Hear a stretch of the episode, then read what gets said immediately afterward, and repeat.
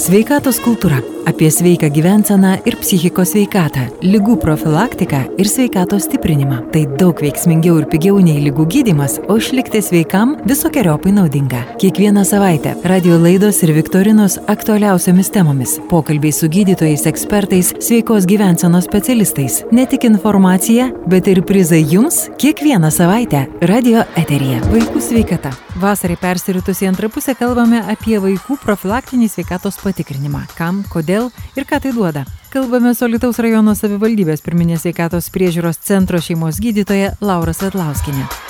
Profilaktinis sveikatos patikrinimas. Aktualu, aišku, kiekvienam ir problemų čia turim pakankamai nemažai. Lietuvoje nėra įprasta tiesiog, jeigu darbdavys nenuvaro saugusiems, tai yra problematiškiau.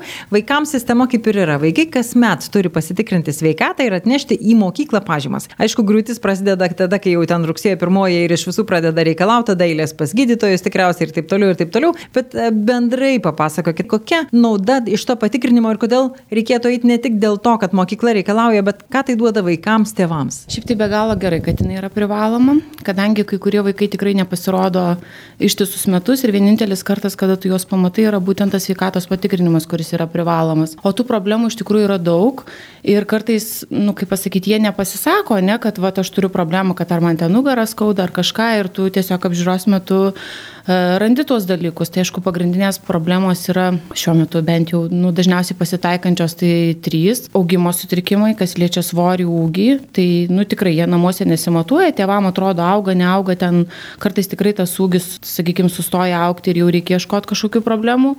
Dabar, aišku, karantinas ir visa kita pridėjo svorio begalę problemų, tikrai turim daug nutukimų vaikų. Tai vėlgi yra ir apie tai kalbi su tais vaikais, kitus siunti specialistam ir, ir žodžiu, žiūri, kaip spręsti tą problemą. Regėjimo sutrikimą, aišku, regėjimo sutrikimų gal buvo visada, bet dabar visi šitie išmanios technologijos, tai tikrai kas antras vaikas praktiškai su akinukais. Ir tai vėlgi namuose kartais tėvai nepastebės, ten televizorių žiūri, kompiuterį žiūri, ne jisai nesiskundžia, kad jis blogiau mato. Ir tik apžiūros metu žiūri, kad nu, jis tikrai nemato į tolį, visiškai gal ten arti jam ir, ir viskas tvarkoja, bet, bet į tolį problemų yra regėjimo ir laikysena. Vėlgi ta pati susijus problema, pamokas ruošia lovoj, skaito lovoj, tai vat, kažkaip vis mažiau gal namuose prie stalo kažkokią sėdi pamokas ruošia, tai vėlgi labai daug laikysenos sutrikimų. Tai va, tai žodžiu esmė tame, kad tikrai tas sveikatos patikrinimas privalomas yra reikalingas ir tikrai randam nemažai problemų. Iš tiesų labai pasimato turbūt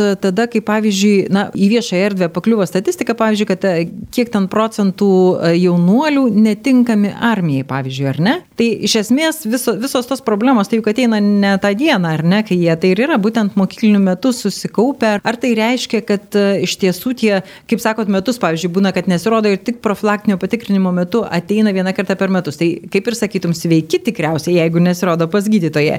Kita vertus, va, tos problemos jos kitokios, jos galbūt nematomos, jos galbūt ne, ne, nesloga, ne kosulys, ne dar kažkas, dėl ko paprastai einama pas gydytoje, tiesa? Ir tos problemos gal ir užsileidžia, nes jeigu kaip ir žmogus pats kažko labai nejaučia, neina, neieško tos problemos ir su laiku jinai įsisenėja ir tada jau atsiranda didesnės problemos. Koks va tas amžius, kaip paprastai išryškėja tokie dalykai, kada tas labiausiai reikia stebėti, kada pavojingiausia? Na, nu, aš manau, kad visos amžiaus grupės yra pakankamai svarbios, tai ten ir ankstyva vaikystė ir kas regėjimo sutrikimus, sakykime, liečia, tai ankstyva vaikystė, ten tas pradinis mokyklinis amžius paauglystė be galo yra trapu ir, ir nu, daug ten tų problemų tikrai, nes tas yra greitas augimo tempas, tada jie paauga ten po 10 cm, sakykime, jų ūgį, e, tada vėl ta laikysena, rumeninas, nu, ir plus ten, sakykime, kardiovaskulinės problemos, kraujospūdis, kažkas, kas liečia tokius dalykus, tai irgi atsiranda dažniausiai paauglystėje. Ir nuo ko atsiranda? Tai atsiranda ir nuo nejudrumo, sakykime, sėslesnio gyvenimo būdo, ir viršsvoris, ir mytyba, nu tai be galo daug tų iš tikrųjų priežasčių. Viršsvoris ir mytyba turbūt irgi visiškai tiesiogiai susiję, ar ne? Kokios mytybos problemos galbūt dažniausios, vat, vaikų, e, suaugę, na tai ten vėl jau atskira istorija, bet ta suaugusių maitinimos įpročiai irgi formuojasi vaikystėje ir paauglystėje. Tai tos problemos problemos, nu, man atrodo, pakankamai tokios aiškios. Jie gal tą greitą maistą mėgsta, tos picos kažkokie ten hamburgeriai, normalaus mamos maisto nelabai, plus saldumynai, aišku, tie ir gazuoti gėrimai saldus, ir, ir šiaip saldumynai, ir plus nu, tikrai pastebi tą dalyką, kad vaikai per per pertraukas mokyklose, sakykime, jie ne į valgyklą eina valgyti, o bėga į priekybos centrus ir pareina su čipsais arba su, su saldumynais. Tai blogai blogai. Kas tuo turi rūpintis, tikriausiai gydytojas gali patarti, bet vis dėlto vis tik tai yra tėvų. Tas ateina iš šeimos, iš namų ir aš kaip sakau, sako, va, mes čia tik per šventės, sakykime, saldumynai ar kažkas. Na, nu, aišku, tas pavyzdys turi būti, tėvai savo pavyzdžių turi vaikus mokinti, ne? Tai jeigu aš nevalgau, taip, nes nepasakys, kad, nu, mes čia va, valgom e, čipsus, o tu nevalgyk. Nu, tai taip neturi būti, jeigu namuose nebus to, jeigu virus ten daržovės ir sveikesnis maistas, nu vis tiek kažkaip tas turi ateiti, kad iš pavyzdžio, iš to, ką valgo tėvai, nu, ir, ir kažkaip, kad nu, motivuotai papasakot, kodėl ir kaip. Grįžtant prie profilaktinio patikrinimo, e, iš tiesų, na, surandat ar ne kažkas, nežinau, stuburas pakrypęs. Kas toliau? Kas vyksta? Siunčiam specialistam siunčiam ortopedam, traumatologam dėl skoliozių visų, tada jiems skiria kiti. Skoliozė tai yra stuburo iškryptaip. tada jiems skiria procedūras kažkokias mankštas, parodo, kaip mankštintis namuose, kaip tą laikyseną palaikyti, kad jinai toliau neblogėtų, nu ir kiekvieną tą problemą tu ją užčiuopę siunti specialistui ir, ir bandai ją spręsti. Stuburo iškreipimas turbūt vienas iš dažniausių, gal žinot, kiek procentų, pavyzdžiui, vaikų su tokiam problemom, arba, na, kokie tiesiog iš tų, kurie ateina pas jūs, galbūt matosi ir ką daryti, kad taip nebūtų. E, tai tikrai pakankamai dažnai, sakyčiau, kas trečias, kas ketvirtas vaikas tikrai turi tas e, stuburo problemas. Ką daryti, tai aišku, sakau, nuo mažens tėvai turėtų vis tiek vaikus skatinti pamokas ruošti prie stalo, nelovai, kažkur ne, nepersikreipus, pakontroliuoti juos, kaip jie sėdi. Mokykloje, aišku, gal ten mokytojai daugiau pas pastebi. Ir plus fizinis aktyvumas - mankštinti, sportuoti, skatinti vaikus tikrai lankyti kažkokį sporto būrelį, kad stiprint bendrai raumenyną ir tada ir tas stuburas tvirčiau. Ir tie iškrypimai tada retesni. Ir bendros rekomendacijos.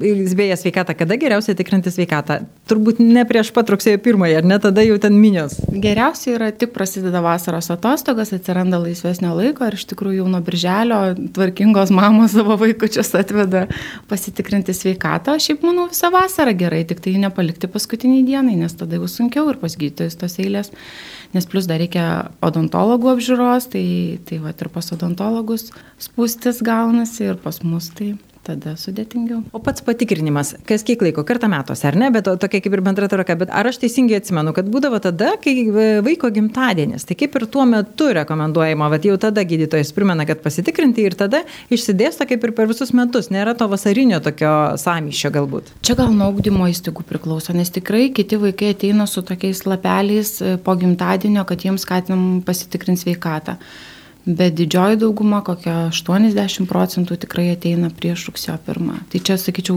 ugdymo įstaiga kažkokia tvarka įsivedusi, kaip turėtų būti tikrinama. Iš principo nedraudžiama, kada tik nori. Tikrai ne. Galima ištisus metus tikrintis taip. Nes pažyma galioja metus laiko, tai galima ir per pavasario atostogas, kada vaikai to daugiau laiko turi ir, ir tėvai daugiau laiko turi, bet šiaip tai tikrai ištisus metus galima tikrinti sveikatą.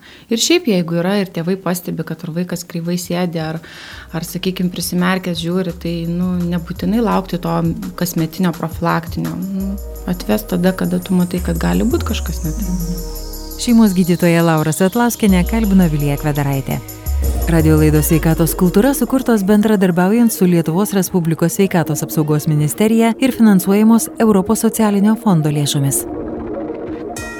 Bičiuliai, sveikatos kultūros laidos kiekvieną trečiadienį radio stoties FM 99 ir 11 val. 30 min. Jeigu nespėjote perklausyti, pakartojimas šeštadienis 10 val. 30 min.